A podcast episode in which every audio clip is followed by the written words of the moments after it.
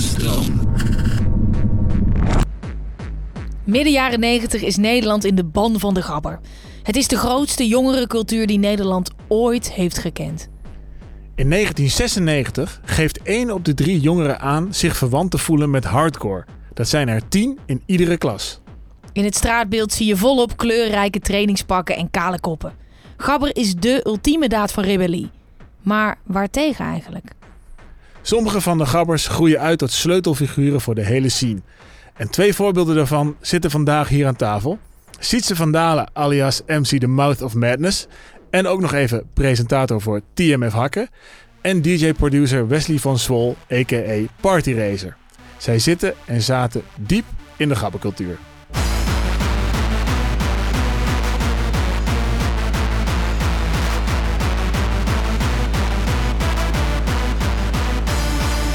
Jongens, ik heb echt heel veel zin in deze aflevering. Want uh, het gabber zijn, dat is natuurlijk niet alleen maar hardcore en knallen. Dat is een cultuur, dat is een lifestyle, dat is kleding, mode, alles erop en eraan. Klopt. Wanneer werden jullie voor het eerst gegrepen door hardcore? Begin ik bij jou, Sietse.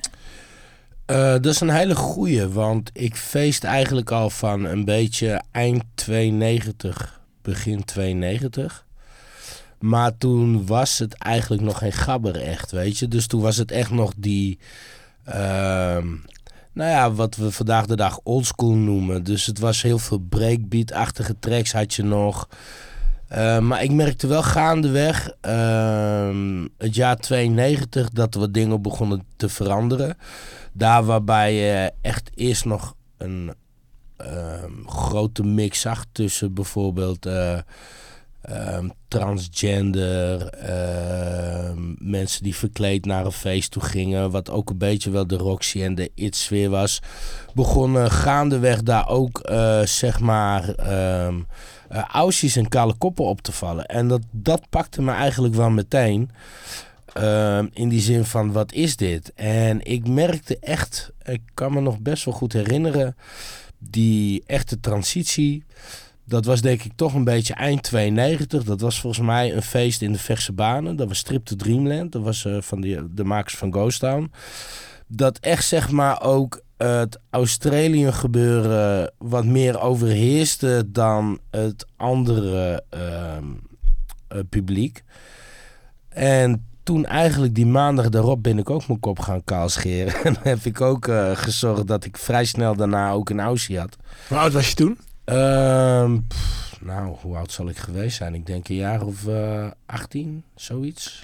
Woon je nog bij je ouders? Ik woonde nog bij mijn En wat ouders. vonden die daarvan, dat die kale kop? Dat maakte hen eigenlijk niet zoveel uit. Ze vonden het wel geweldig. Had je geluk mee? Daar had ik echt wel geluk mee. Maar wat vond je dan zo vet? Want ik kan me voorstellen, je ziet mensen niet in trainingspak in de club staan. In één keer wel. Kale koppen. Wat sprak je aan? Nee, het, het, groeide er een beetje in als het ware. Kijk, in het begin had je line-ups waar bijvoorbeeld in het begin een Dimitri stond en eindig je met Dano of met een Profit of weet ik veel.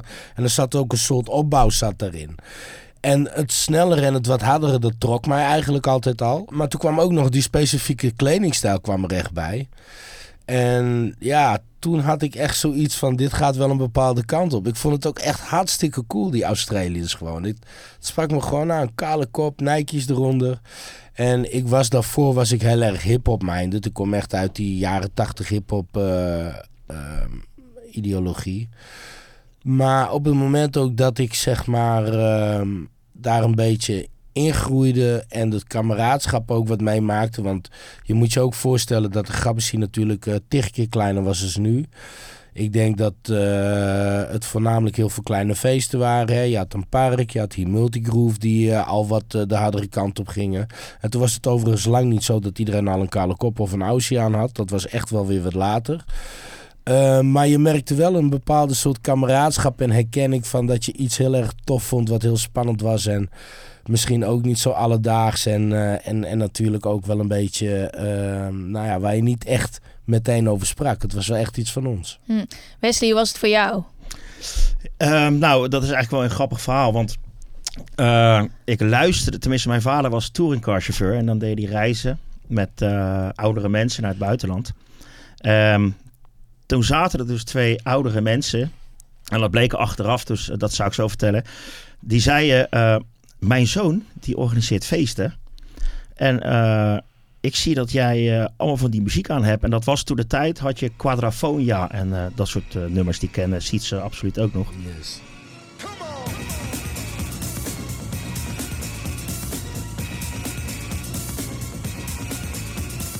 En dat was zeg maar begin, echt begin jaren 90, dus 91, 92. En dat had ik dan op in de bus. En dat vonden hun leuk. En zei mijn zoon, die geeft feesten. En eh, die zei van, als jij nou voor ons flyert in regio Den Haag. Ik was vrij jong. En je plakt wat posters weg. En je doet wat. Dan eh, wil je misschien met Ed, dat is mijn vader. Dan zet je op de gastenlijst. En dan eh, mag je daar komen kijken. Nou, zo gezegd, zo gedaan. Ik ging hun helpen. En achteraf bleek dat George Russelaar te zijn. Oftewel de Rotterdam Terrorkorps, DJ Distortion van Riesje. En eh, hij heeft mij en mijn vader in 1992 op de gastenlijst gezet. Wat De vet. scene ingesleurd eigenlijk gewoon. Ja, ik ben eh, met mijn vader naar Eurorave 92 geweest. Eh, op het Slufterstrand.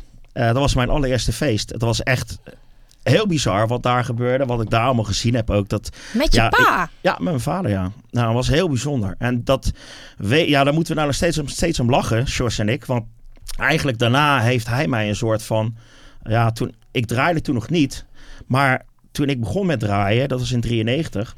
Iets daarna, toen dat best wel lekker ging, pakte hij dat best wel goed op.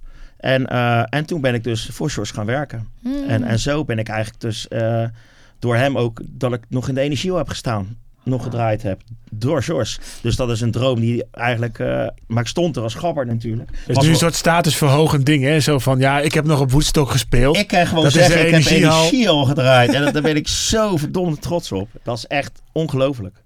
Ik wil heel veel terug naar, naar het moment nog. Je zegt, ik heb daar dingen gezien. Ik Ja. liep daar Ja. met mijn pa. Nou, we werden wel be- begeleid, zeg maar. Want ik was heel jong. Dus ik mocht nog niet... Ja, kijk, ik kom uit 1977. Dus ik denk dat ik net 15 was. 14, Mhm. 15 jaar, zoiets. En eh, ja, wij liepen daar zo. En, en, en George, dus... En, en wat, wat zei ze, bewaking. Dan mochten we dan achter de hekken mochten we daar dan staan. Ja, wat we daar zagen. We zagen daar eh, ja, een hele hoop housende mensen. En eh, dat ging allemaal toen nog heel erg van dit. Ja, klopt. Je maakt een soort... eh, Handjes in de lucht. Ja, ja, zo. Ten, ten, ten, En, ten, en ik ging dat ook op een gegeven moment doen. Want ik ben ook nog wel in de marathon geweest in Den Haag. Maar toen waren nog niet die pakken er en zo. En dat was, dat was er allemaal niet. Volgens mij liepen wij zelfs nog op Adidas Torsion in die tijd. En was Nike nog niet echt... Dat kwam wel zeg maar echt vlak daarna. Die Maxis. Maar het was echt Adidas Torsion. Die is zo... Tut, tut, tut, tut. En we hadden allemaal nog van die matten. Dus dat was nog niet zo ver als dat, dat, zeg maar, dat we dat stereotype gabber Ja. op een gegeven moment eh, kregen. Dat kwam iets later. Wesley eh, wil even het Thunderdome boek erbij pakken. Eh, dat hier op tafel ligt. Thunderdome boek van een aantal jaar geleden. Ja. Er staat een, een foto in van jou. Ja, dat ben ik, ja. Ehm, laten we even beschrijven voor de luisteraar wat voor foto het is. Jij staat daar... Hoe oud ben je hier? Ik, dit is volgens mij is dit de Rotterdam Records Hardcore Party in september 1993. Dus dan hebben we het over 16 ben je dan 15 ongeveer? jaar. Ja, of 15, ja. Dan En was je, ik 15 jaar. je hebt hier En- een gladde kale kop. Ja, helemaal kaal. Shiny. Ja, En dus een kaartje voor die rave in je hand. dat is het kaartje van Rotterdam Records Hardcore Party. Waar DJ Paul toen eh vij- voor zoveel duizenden plaat waren geperst. Eh, white labels, die kreeg je bij binnenkomst. Kreeg je. En dan stond het grote hit drummachine op.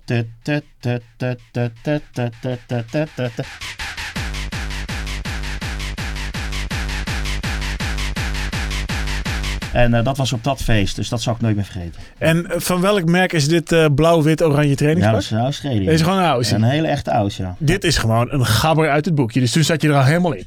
Ja, dit, hier was ik echt... Echt keihard gabber. En mocht dat ook al wel toen je in alle- 16 in was? Alle, in alle vormen. Dus. Mocht je wel toen je 16 was al eh, daar komen? Nee, ja, juist, juist, want eh, mijn ouders hebben me altijd heel vrijgelaten. En, eh, en, en daar ben ik ze altijd dankbaar voor geweest. Want daardoor heb ik alles mogen meemaken. Van de hele begin tot nu. Zeg maar nu als artiest al jaren. Maar als echte gabber zeg maar. Ik draaide hier wel al. Alleen natuurlijk nog niet op feesten. Op niveau, ja. ja. Eh, ik raaide vooral op mijn kamer. En waar, waar ging je dan eh, allemaal, allemaal heen? Waar speelde zich het voor jou af? Ja, nou ja, ik ging eigenlijk naar alles waar wat was. Ik ging naar Kardingen, Groningen. Ik ging, eh, ik ging naar de Vechtebanen. We gingen naar eh Sporthallen Zuid, Amsterdam. En, en, en Statenhal in Den Haag. Dat was ook altijd heel erg leuk. Maar voor mij, het merendeel, gingen we eigenlijk altijd naar de Energiehal. Eh, dat was voor mij wel het... eh, ja, dat, eh, dat was het voor mij gewoon. Dat, dat kloppend hart. Eh, als ik weer wist dat we weer gingen. En dan daarna gingen we nog even afteren. Gingen we eerst naar Parkzicht met z'n allen. En daarna had je in Rotterdam nog een tent die heette De Drie Musketeers. Dat was voor de echte, echte afters. En daar gingen we dan ook nog heen. Hoe laat zitten we dan op de zondagmiddag? Ja, dan zit je wel ongeveer op een uurtje of twee smiddags. En dan eh, gingen we eindelijk weer naar de trein. En eh, Lekker man. als we dan bij de trein waren, dan dachten we dat die trein, dat dat nog muziek was. Maar dat, dat was dus geen muziek. Dat Het was, het geluid van de trein. Ja, dat was wel echt... eh, Weet je nog wel, in die tijd had je nog zeg maar die asbakken. En die asbakken zaten nog in de trein, want je mocht toen in die ja, ja, tijd nog gewoon absoluut, roken. absoluut. En dan was er altijd wel zo'n slimbo bij, die ging gewoon beats maken gewoon op die eh, ramen met die asbakken, weet je. Dus had je gewoon... En je dacht dat je gewoon op dat feest nog steeds was. Je hoorde gewoon in die terrein gewoon nog helemaal Oh, space. hoorde als ik eraan denk, hè. doorgaan. Ja. Heerlijk. Hey, zondagmiddag zo'n hè? Nee, vertel eens, als je eraan denkt, wat dan? Ja, het gaat, ik word echt warm van binnen. Ja. Ik zie die foto nu. Dat heb ik echt een tijd niet gezien nu. Nu jij hem weer openslaat. Ik vind, ja, dat is echt gewoon... En jij brengt me nu even terug naar dat moment. Maar dat is voor mij echt het, het mooiste tijd uit mijn leven. We zullen hem even posten op eh, alle socials van, eh, Dat is van echt- de podcast dat en is zo'n mooie tijd. Ja. Dat, ja, ik kan het niet uitleggen wat een gevoel dat was. En sinds Mooi, waar speelde het zich voor jou af? Nou, bij mij speelde het zich voornamelijk in het noorden af natuurlijk. Ehm, voornamelijk Friesland en Groningen. Eh, wij reisden wel heel veel door het hele land heen. Maar wij waren wel in de gelukkige omstandigheid dat zeg maar house en ook uh, muziek heel erg goed werd opgepakt eh, in onze regio's. Dus we hadden in die tijd hadden wij met Geert Spieker, die later ook zeg maar raadslid is geworden van, eh, van Groningen van de jongere partij. Maar dat was eigenlijk echt een Groninger hooligan. Die gaf daar feesten. Night of the Gabber. En dan hadden we zeg maar Seven Gates to Hell hadden we in eh Dijnen met Holt. En dat was eigenlijk ook de Den Haag Leeuwarden Snake connectie weer. Dus dat ging ook heel erg goed met elkaar naar allerlei feesten in het land. Dus dan inderdaad pakten we een energiehal. Dan gingen we afteren of in een parkzicht. Of dan hadden we bijvoorbeeld uh, uh, de Goldfinger in Rosmalen. Ja. Waar we nog wel eens echt uh, gewoon te klapperen, te klapperen stonden. Hoe kwam je daar dan, joh? Ja, nee, gewoon in de auto. Ja, je had joh. altijd iemand die ouder was, die een rijbewijs had. Hadden wij ook. Hmm. Altijd een vriend, die was net even ouder. En die had zijn rijbewijs hier. Klopt. Wesley. Oh ja, sorry, ik onderbreek je. Nee, geeft niks hoor. Maar je leerde dus heel veel mensen ook kennen, omdat de scene veel kleiner was. Je kon ook overal terecht. Dus je ging ook gewoon op een gegeven moment bij mensen, zeg maar, of uit Rotterdam, Amsterdam, maakte niet uit. Zat je gewoon uh, te afteren. Ja. En dan vertrok je gewoon op een donderdagavond met je rugtasje met schone kleding en uh, wat uh, toiletspullen. En dan uh, op een gegeven moment dan kwam je op een maandag of zo ergens wel weer een keer thuis. Ja. En dan belde ik nog even naar school, meldde ik muziek, weet je wel, ondertussen op maandagochtend. Ja, dat soort dingen heb ik allemaal wel meegemaakt. Ja. Uh, want Sietse, jij uh, zat in het noorden, Leeuwarden kom je vandaan, Wesley, ja. Den Haag. Ja, uit de buurt. Uit Westland eigenlijk. Uit, uit Westland? Ja, Wateringen. Dat is mm. eigenlijk waar ik vandaan kom en waar ik echt uh, helemaal ben opgegroeid. Dus. Was er dan een verschil tussen jullie en de gabbers uit Rotterdam en Amsterdam? Of was het allemaal één grote familie? Voor mij was het allemaal één familie. Want ik heb hardcore altijd als één ding gezien. En ik heb mij daar nooit mee gemengd met, uh, met, met die stadsdingen. En, uh... Sowieso in het begin was het er ook niet. Ik bedoel, ik heb echt nog wel energiehallen meegemaakt waar gewoon uh, Ajax supporters en, en Feyenoord supporters gewoon uh, echt vriendschappelijk met elkaar omgingen. Het werd allemaal wat broeder en wat nader naar 96. En het is ook eigenlijk een bladzijde waar we niet graag over praten. Nee, want ik wil de vraag ook eigenlijk iets anders stellen. Um, is er verschil tussen een gabber uit Friesland en een gabber uit Zuid-Holland? Nee, voor mij absoluut niet. Nee, dat denk ik niet. Behalve dan de normale culturele verschillen. Zoals accent. Weet je, sommige dingen beleefde je wel wat anders. Je zag bijvoorbeeld wel, dat vond ik wel heel kenmerkend. Er waren wel wat kleine verschillen in hakstijlen bijvoorbeeld. Oh ja? Ze dansten soms wel wat anders dan, ja. Bij ons rolden ze wat meer. Daar waren het bijvoorbeeld in de Randstad wat meer echt uh, zo met de handen al uh, naar beneden aan het hakken was. Dus dat waren dan misschien kleine dingetjes. Maar over het algemeen, weet je, die Aussie was als het ware net een, eh, een Engelse schooluniform. Het was juist meer van als je zoiets aan had, Dan, je, eh, dan, dan herken je elkaar. herkende je Hey, elkaar. broer, Broer, zus. dat was het echt wel. Dat Ja. voelde je heel, heel sterk wel. En wanneer was je dan een gabber? Ja, kijk. Het is, oh, sorry. Het is natuurlijk zo dat je... Je kan het natuurlijk zien in je kleding, zou je zeggen. Maar wat mij betreft, ben je het gewoon. Het maakt niet uit of je lang... eh, eh, Een van mijn beste vrienden had lang haar. Die was helemaal niet kaal. Maar die ging zo los. Dat was zo gabberd ten voeten uit. Een stereotype was ik zelf dan ook, zeg maar. Kaal, Aussie, alles erop en aan.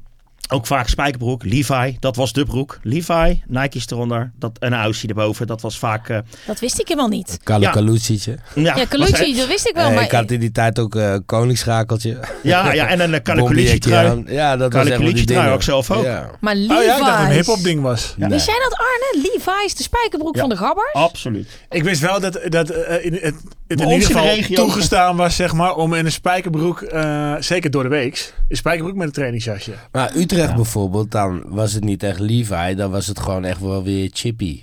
Weet je wel? Chippy. Ja, die kwam later. Kalu Kalucci, ja, is dat, dat kan Chippy misschien kwam iets later, klopt. Kalu Kalucci truitje aan, weet je wel. Klopt, want die eh, hadden de ook nog die ken chip. ik, Maar Colucci is ook van Biggie, toch? Die trui. Klopt. Maar dat Maar was dat was later. gewoon ook echt wel een, eh, Een groot merk. een, een gabbermerk, vond ik. Vond Ja, ik toch wel bij gabber horen. Ja, ik noemde het altijd een beetje een, een, een kampertrui. Eh, ik had ook vrienden van het kamp, maar die waren ook gabbers. En die hadden al die truien altijd aan. Dus, en eh, ik vond het ook echt kicken. Ja, Maar, maar het is echt zo dat dat dat hoorde er wel inderdaad... bij, weet je wel. Ja, is bombastisch. ja. Carlo Calucci is voor kampers. eh Nou, ik weet niet of het echt en- voor kampers Nee, dat zeg ik niet, maar dat, dat hadden die vrienden van mij op het kamp hadden allemaal kalkulutje aan. Ja, nee, maar bij ons in het noorden werd die trui ook wel veel gedragen. En natuurlijk, dat hoorde ook wel bij een bepaalde slag jongens, weet je wel. Maar goed, dat, was wel, eh, dat waren ook gabbers. Die hadden gewoon, hup, Aussie ging uit en had daaronder gewoon een, een kalkoelutsietje of... eh, Maar ja, Sowieso die dikke koningsschakel gewoon. Dat Ja, was echt wel een dingetje. Echt.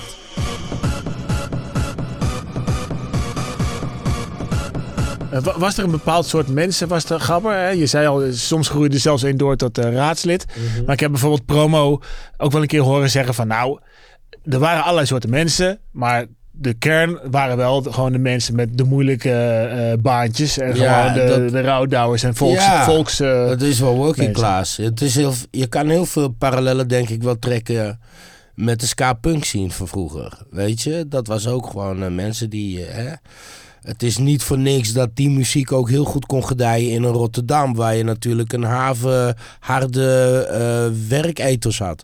Maar ik zou wel zeggen dat dat was echt niet het enige, want ik liep daar wel met jongens die bijvoorbeeld nu vandaag de dag of advocaat of wat dan ook zijn, die gewoon echt wel een studie hebben afgemaakt. Maar het hebt zeker, je kan niet ontkennen dat daar wel een heel stuk ook basis in zit. Ehm, maar ik denk dat het ook een beetje met, die, eh, met de tijd van toen te maken had. Omdat ehm, wij zijn natuurlijk eh, opgegroeid als, als tieners in de jaren tachtig. En dat was een hele andere tijd. Want onze ouders zijn natuurlijk allemaal zeg maar, vanuit de oorlog groot geworden. Of vlak na de oorlog geboren, weet je wel. Dus er was een hele erge, nou je weet wel, een eh, 9 voor 5, keihard werken mentaliteit, weet je. Wees zuinig op je geld. En toen wij zeg maar wat bewuster als jongeren opgroeiden, kwamen wij in de jaar, begin jaren 90 daar wat van los. Dus er werd alweer wat meer eh, geld verdiend. Je zag ook bijvoorbeeld in Amerika hè, het hele eh, champagne bubble Wall Street verhaal. Ja, weet je, het ging in die tijd daarna eind jaren 80 beter met de muziek. Dat merkten wij ook. We werkten allemaal keihard, ook al vanaf tieners zijnde. Ehm, maar we gaven dat ook goed uit en we hadden in zeg maar, de hardcore scene van die tijd ook een goede ontlading daarin. Precies, want de- de- die uitlaatklep. Zeker. En nog steeds toch voor een hele hoop. Dat is altijd een beetje als ik nadenk over waarom moet het zo hard? Weet je wel, waar komt dat vandaan? Het is dan toch ook gewoon een deel van jezelf loslaten wat je niet in het echte leven kan loslaten. Gewoon je, je sores. Er is, een, er is iets wat mensen vinden in die hardere muziek wat ze nergens anders kwijt kunnen. Ja, dat zou kunnen. Ja, ik, ik ervaar het anders. Ik, Ja? ja, ik ken er ook gewoon heerlijk op slapen en heel heerlijk op relaxen. Ik heb niet iets van, er moet iets uit mijn lijf. Ik hou gewoon zo erg van die muziek. Als jij Ja. in bad gaat, is het gewoon 180 bpm. Nou, als ik in bad ga, dan zet ik meestal lekker Elvis op. Ah, Want ik ben een Oh. zeer groot fan van Elvis. En, en nog veel andere middenstijlen, want er is zoveel muziek. Maar nee, ja, ik, ken, en, ik ken hardcore gewoon echt luisteren. Maakt niet uit wanneer. En ik word er niet agressief van. Ik word er juist super relaxed van. Maar ik dat vind het ik. zo kicken. En ik, ja, dat is altijd al zo maar geweest. ik Dus- Maar hij heeft niks mensen met agressie. agressief van maken. Nee, maar ik is juist, juist niet agressief worden doordat jij, als jij je emoties niet uit, als je die uit door de harde muziek, weet je wel? Dat ik heb ooit een op- gesproken, de, een meisje, ik zat naast haar in haar golfje en ik zei, wat is dit dan? Ja, s ochtends voordat ik naar mijn werk ga, waar ik weer moet luisteren naar mijn werkgever, is dit mijn uitlaatklep? Ja, weet je, ik, hoef niet te schreeuwen, dat doet de muziek voor mij. Dus het is juist ook ontspanning vinden daarin. het is net wat iedereen ervaart iets anders, denk Ja. ik. Weet je Nou, wel. ik denk wel, dat zag je ook bijvoorbeeld, of zie je nog steeds in de heavy metal eh, scene. Als je daar, het ziet er altijd dreigend uit, maar als je daar rondloopt, het zijn de aardigste lui. Ja. Waarom? Die hebben, hun, die hebben hun release. Die hebben hun release. dus die, die hoeven zich niet te bot vieren op eh, hun kinderen, of de buurvrouw of eh, iemand in de kroeg, Nee. terwijl ze tien bier op hebben. Ja. Dat die, die, eh, weet je, die ontspannen gewoon. Ja, goed. En als we toch, als we toch op de sociaal-culturele tour gaan, dan wil ik wel even doorgaan. Want op een gegeven moment breken de jaren negentig wel aan. Maar dat heb ik altijd heel fascinerend gevonden. Want we kijken daar nu op terug als een hele optimistische eh, tijd. Hè? De muur die viel eh, in eh, 89 volgens mij. En Ja. Nelson Mandela kwam vrij. Economische voorspoed. Eh, de jaren 80 eindelijk achter ons. Overal waren progressieve regeringen Klopt. aan de macht. Maar dan, dan, zou, dan zou je eigenlijk zeggen... Dan eh, gaan we iets eh, vieren. Maar wat we net al hoorden, het was eigenlijk een ultieme daad van re- rebellie. Over het algemeen was Ja, de nachtmerrie of van het iedere ouder. rebellie was, weet je. Ja, ik kan me wel Het voorstellen dat het... tegen een generatie. Ja, we waren wel aan het afzetten, maar we hadden sowieso al scheid. Sorry, mijn stem is nog een beetje weg van afgelopen weekend natuurlijk. Dat was, uh, Wat heb je gedaan dan? Klein Uh, feestje. We. Klein feestje, klein feestje. Wel een klein feestje. Ehm, Jongen. Uh, tuurlijk, wij waren heel rebels. En, en het, maar dat ook hoorde weer een beetje eh, bij die tijd. Dat hoor je ook terug bijvoorbeeld in de, de hip-hop van toen. Hè? Dus we zetten ons echt wel af. En we hadden wat meer scheid, denk ik, dan onze ouders in die tijd hadden. We hadden gewoon echt Nou, een... eh, vlak de flauwe power tijd eh, niet uit. ja, Eh, dat is natuurlijk ook zo. Ik wou net zeggen, die hebben ook allemaal gekke dingen gedaan. Dus, Absoluut. eh, en dat is namelijk ook dat. Is ook een klein beetje een, een klein stapje. Het is dat een soort van stigma op, eh, op hardcore. Maar kijk eens even wat al die andere dingen allemaal doen. Ik bedoel, in elke scene zitten. zi- Hè? In elke scene. Kijk, de flower power zaten zwaar aan de LSD-trippies te likken. Eh, reggae. pompen er een partij jonkels uit. Dan, dan zit je in de rap. Nou, eh, lekker, eh, lekker sos, eh, lekker lachgasballonnen. Nederlandse muziek, lekker zuipen. Nou, nee, dat is allemaal perfect. Ik hou ook van drank hoor, maar, Ja. maar ik bedoel... Nee, ik snap je punt, Maar het gaat altijd alleen maar over eh, hardcore. Dan, eh, Ja, eh, kijk, en, weet je, eh, ik en, eh, denk, die grabbers hebben er nooit een geheim van gemaakt. Kijk, het gebeurde Kijk toen in die tijd ook al overal, inderdaad, bij trendsfeesten of wat dan ook. Ja, Maar die waren gewoon wat sneaky hierover en gewoon wel wijzen naar die grabbers, weet je wel. En dat is eigenlijk natuurlijk ook wel een beetje de tendens van, ehm, van de media.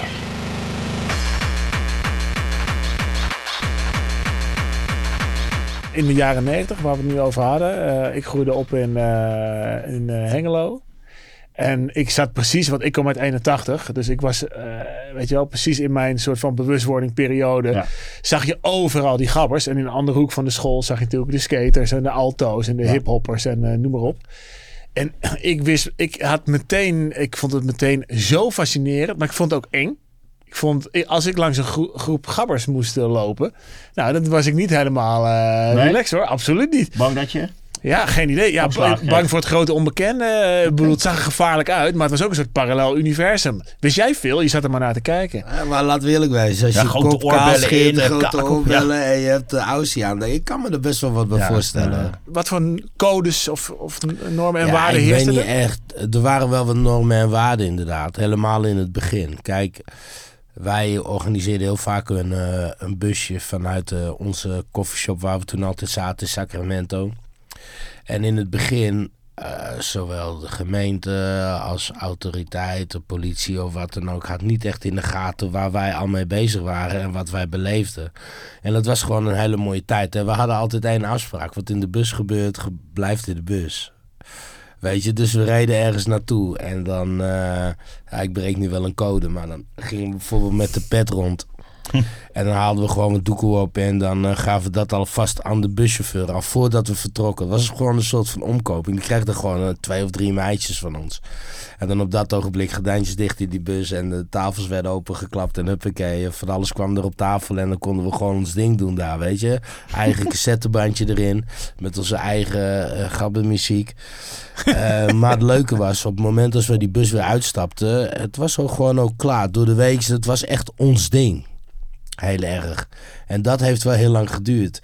En dat herkende Gabbers heel veel van elkaar. Maar wij koesterden die tijd heel erg van iets wat van ons was. Hoe wist je uh, waar je moest zijn in een wereld die niet online en mobiel was? Had je bijvoorbeeld magazines? Uh, Flyers, uh, Midtown, platenzaak. Dat was ook vaak een ding. Ja, maar bij ons wel in het noorden was natuurlijk wel echt die flyer echt wel Flyer, heel ja. belangrijk. En ehm, ik werkte in die tijd in een koffieshop. Um, Thunderdome verkocht zijn kaarten in die koffieshop als voorverkoop. Weet je, en ja, zodoende kwamen we ook in contact met IDT. Zo heb ik uiteindelijk ook mijn eerste kansen gehad, weet je, uh, in dit wereldje. Maar dat kwam dus omdat ik als gabbertje kon als verkoper van hun kaartjes in de koffieshop. Dus ja... Um, geen Instagram, maar gewoon geen echt Instagram, netwerken. maar het was gewoon echt netwerken. En Ja, wat, vroeger wat, was gewoon heel veel mond-op-mond reclame. Mond op mond. Dat was zo belangrijk. maar Flyer, ook iemand de kwam met een mooie flyer. elkaar ook echt, hè? Ja. Dus je had bijvoorbeeld, het was echt, je had groepen. Je had de groep uit Hogeveen. Dat waren veelal de Molukkers met de bomberjackjes aan, RMS, dit en dat, maar ook echte gabbers, weet je. Ehm, je had dan zeg maar eh, de jongens uit Rotterdam. Dan had je Den Haag met de jongens van Radio Balans en Roy Tetro en dat soort Radio gasten. Delta. En Radio Delta. En op een gegeven moment, al die groepen, omdat de scene nog niet zo groot was.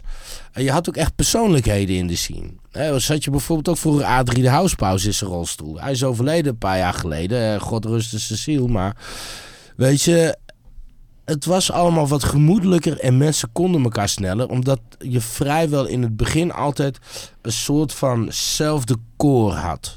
Die altijd naar die feesten toe ging.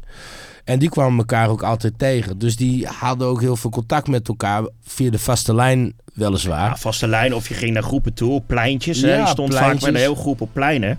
En dan, eh, we hadden in die tijd hadden we poegies en sita's. Nou, dan eh, gingen we weer naar het andere plein. Hey, heb je gehoord? eh, Dat en dan is dan en dat feest. En eh, ja, cool. Oké, nou, dan, dan, nou, dan gingen we daar weer met z'n allen afspreken. Nou, en dan leerde je daar op zo'n gabberfeest ook weer nieuwe mensen kennen. Dat was dus zo'n plein waar ik dus bang was om uh, er langs te lopen.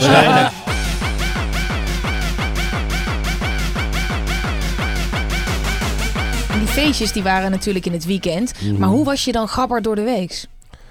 Ja, ik weet je, kijk, het label Gabber, dat is eigenlijk later pas meer geboren, maar je leefde dat gewoon. Het was ook niet echt zo dat ik de hele week in een Aussie rondliep of zo. Nee, dat gebeurde ook niet. Ik bedoel, eh, Nou, wel veel hoor. Maar wel ik veel, liep ook absoluut bijna alleen wel. maar in Aussies rond. ja, of cafellootje. ik had ook een aantal mooie cafellootjes. had Nou ik ja, ik liep eigenlijk alleen maar in Aussies rond elke dag. Nee, en ik ik had echt Cafello ook echt wel Was vet. Cavello net zo stoer als Aussie? Of Ja, in was die je dan tijd cool? maakte... Nee, die twee dingen waren echt gewoon wel gelijkwaardig. Bij ons niet. Eh, bij Nee? ons wel. Vertel even. Nee, ja, bij ons was het echt alleen Aussies. Cafello, dat, dat was eigenlijk helemaal Nee, niet bij zo. ons was Cavello daarna, ook. En maar- voornamelijk de broeken. De broeken hadden namelijk rechte pijpen. En dat was heel vet over je Nike zijn. Dus bij ons was Cavello echt wel een fucking Hm. ding. Hm. Absoluut. Misschien dat ik dat dan niet echt eh, meer weet, maar bij ons in de groep niet. Of een Dus- kans heb gegeven? Nee, Dat ik heb kan, nooit ik echt... vond bij Cavello ons- echt wel vet. Maar ons dat, was echt aus. dat was niet echt een verschil tussen dat, of je nou eh, dat een of het ander droeg. Het waren allebei gewoon gabbermerken. Jij vertelde net, eh, Wesley, ehm, je had die feesten en daarbuiten was er niet zoveel. Maar op een gegeven moment kwam er wel een tv-programma op TMF. eh, waar Siets eh, presentator was. Samen met Richard Koek, de Rox. Hey, howdy folks, welkom terug bij Hakken deze week. Speciale Hakken natuurlijk, want het is weer Antwerpen tijd. Gabber Piet begon ermee volgens mij. Nou ja. Hoe staat het ook alweer? Jullie hebben het opge- Piet- Gabber? Piet begon ermee. Ehm, en er was een bepaald moment dat Duncan besloot dat hij zeg maar de hemkade overnam. Ehm, de hemkade heette toen, heette het Tomorrow World, hè, dacht ik in de hemkade toen, Ja. in die tijd, waar hij toen feest had. Maar hij had de hemkade overgenomen En eh Gabbe Piet idee in het begin, zeg maar, de eerste drie of vier eh, eh, afleveringen, was die al presentator daar. In die tussentijd nam eh, Duncan, zeg maar, die hemkade over. Maar we hadden ook toen nog Thunderdome on Tour hadden we lopen. En ehm, ja, Piet kon niet op allebei de plekken tegelijkertijd zijn. Dus toen eh, mocht ik op een gegeven moment, zeg maar, Thunderdome on Tour mocht ik gaan eh, doen. Dus ik ging echt het land in. En hij bleef echt op die locatie, wat toen echt ook het paradeplaatje was, die hemkade. eh, in Zandam. En dan de grote feesten, zoals bij het Spotpaleis of wat dan ook. Nou, dan deden we dat of een beetje samen. Of, het was toen ook niet alleen dat die opnames gemaakt werden voor TMF. Ze werden ook nog heel veel gebruikt voor de eigen videoproductie van ID&T van hun feesten. Ja, want even voor de duidelijkheid. eh, TMF Hakken is het best bekeken programma van eh, TMF, TMF, alle tijden ooit. Maar het werd geproduceerd door IDT. ID&T. Wat zijn jullie verwachtingen voor vanavond? Geen idee. Ik ben nog nooit op een geweest. De eerste keer en eh, echt benieuwd. Ja. Zo eentje die ontmaagd wordt vanavond. Te grappig. Het waren, het waren twee dingen eigenlijk. Ehm, het was wel een programma voor TMF. Maar het was niet echt in het begin een programma. En toen hebben ze IDT gevraagd van... joh, luister, jullie doen dit. Wat als we jullie zeg maar... en dat was in het begin maar 10 minuten wat ze kregen in dat programma. Eh, willen jullie wat neerzetten? Nou ja, goed. Je kent de Duncan en, eh, en de, de clan. Als die wat aanpakken, dan doen ze dat ook meteen goed. Dus er kwam meteen een professionele cameraman kwam daarbij. Twee jongens. En iemand die dat dan een beetje eh ruilde en zeilde. En hadden ze Pieters in eerste instantie hadden ze als presentator. Ehm, nou ja, goed. Toen kon Piet eh, uiteindelijk zeg maar eh, de hemkade doen. En ik ging dan het land in. En uiteindelijk eh, ja, is er een keer wat voorgevallen tussen Piet en ID&T. Waardoor Piet zeg maar buiten beeld verdween. Ik het alleen moest doen. En uiteindelijk ook weer Drox heb gevraagd. Eh, met toestemming natuurlijk van het toenmalige camerateam. Van moeten we hem er niet gaan bijhalen. Want hij is ook echt wel een autoriteit. Waardoor we eigenlijk het grootste gedeelte met z'n tweeën gedaan hebben. Ja. Was jij een kijker, eh, Wesley? Hm? Was jij een kijker? Met TMF Eh, Hakken? Ik heb wel gekeken natuurlijk. Ja, absoluut. Ja. Jongens, laatste vraag. Ehm, wat is er uit de jaren negentig overgebleven? En wat is er veranderd? Oké. Wat ik vind dat er veranderd is, dat is dat er op dit moment veel te veel eh, gezeurd wordt en gehaat wordt op bepaalde genres en stijlen. Terwijl vroeger was het gewoon hardcore.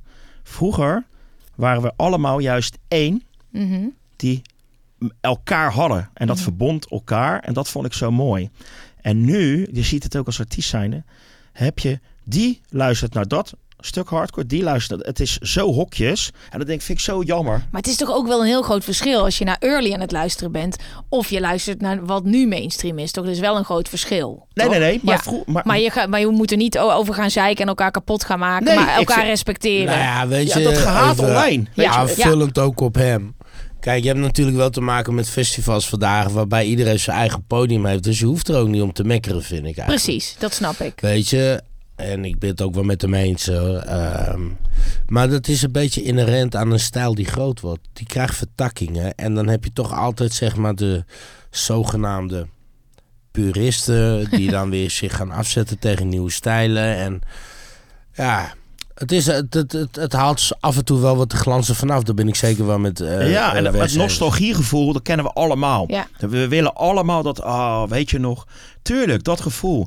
Maar het is ook vaak mensen die niet meer gaan. Of we hebben kinderen gekregen, gaan niet meer. En die hebben alleen nog maar die scene van vroeger in hun hoofd. En dat van wat ze nu horen, denken, wat een ellende zeg. Ja. Maar goed, ja, het is evolutie. Ik wil hem eigenlijk wel weer even omdraaien. Je zei ook van wat is eigenlijk wel hetzelfde gebleven. Ja. Eh, en het klinkt misschien wel een beetje tegenstrijdig, maar ik vind wel, en dat merk ik nu ook weer heel erg bij deze generatie, die dan ook een beetje is opgestaan na COVID-periode. Eh daar merk ik wel weer een heel hoog gabbergevoel in. Dus ehm, Ja, en wij zien eens- dat als artiest, ja. dat dat juist zo fijn is. Dat is het ook. Die en nieuwe ik generatie dat die nieuwe generatie heeft het wel weer heel goed. Daar waar bijvoorbeeld in het geëikte tijdperk dat bijvoorbeeld het wel weer heel belangrijk was dat de, de, de kwaliteit heel hoog lag. Eh, maar waarbij ik af en toe het gevoel had het is eh geovergeproduceerd, het is te klinisch. Dat het eigenlijk wel perfect is, maar ik voel hem niet meer. Eh, dat randje is wel weer wat teruggekomen. En ik merk ook dat dat weer een bepaald soort mensen aantrekt die mij persoonlijk heel erg doen denken aan de tijd dat ik nog zeg maar naar feesten ging. Wel mensen met een bepaalde soort scheid. Ehm, wel aangepast en geëvalueerd in deze tijd. Maar ik merk wel dat dat gevoel er eigenlijk wel weer heel erg in zit. Nu vandaag de dag kan je eigen publiek, als je een klein beetje eh, goed met je social media omgaat, kun je dat al aan je binden. Weet je, al voordat je bijvoorbeeld ontdekt bent door organisaties of wat dan ook. Mhm. Dus er zijn ook echt wel goede dingen die er zijn. En we houden natuurlijk altijd wel een beetje het nostalgisch gevoel. We willen altijd wel stiekem een klein beetje terug. Even één dag was we nog mochten naar vroeger of niet dan. Ja, nee, tuurlijk. Maar Fantastisch ik hou dit ook absoluut-. Oh, Jullie boodschap is in ieder geval niet blijven hangen in nostalgie. Nou, dat is niet gelukt. Want voor de mensen die er niet bij waren, die denken, godsamme waren er maar wel bij. ja, ja. En ik heb ervan genoten. Ja, ik heb Heel veel Dankjewel. heel erg van genoten. Dankjewel. En ik wil nog één ding zeggen, voordat ik het vergeet. Ga je gang. Het is niet alleen Sjors geweest, hè. Ik heb er zelf heel hard voor moeten werken. En ik heb ook nog een mooie man als Ilja Rijman ooit ontmoet. Waar ik heel veel aan te danken heb. Het staat ook mooi daar in het boek. Hij eh, zit in aflevering 1. Ja, dat wil ik ook nog wel even gezegd hebben. Dus er zijn hele mooie dingen in mijn carrière. Maar ja, het allermooiste. DJ is absoluut mooi. Maar deze tijd, dat was het begin. En Ja, en ik wil nog even een shout-out geven naar alle gabbers. eh, van toen en van nu. Dus eh, de oude gabbers, de nieuwe gabbers en alle organisaties die, eh, We're die, all one family, man. die allemaal. wel, zeg maar, nog steeds supporten tot op de dag van vandaag. Tuurlijk, absoluut. Dankjewel. Ik. Heerlijk, heren. Ik vond het super gezellig. Jullie zien het niet, maar er staan hier gezellig rode wijnglazen op tafel. We hebben hier echt een hele mooie avond gehad. En eh, ik was er helemaal mentaal. Arne, jij ook? Zeker, jongens, dankjewel. En Jullie eh, beste bedankt. luisteraars, tot Voor de de volgende. Dankjewel. Thanks. Leuk dat je luisterde naar deze aflevering van Hardcore Never Dies. Volgende week aflevering 4. En dan explodeert de gabber scene. eh, zowel in Nederland als over de grens. Eh, we zien je dan.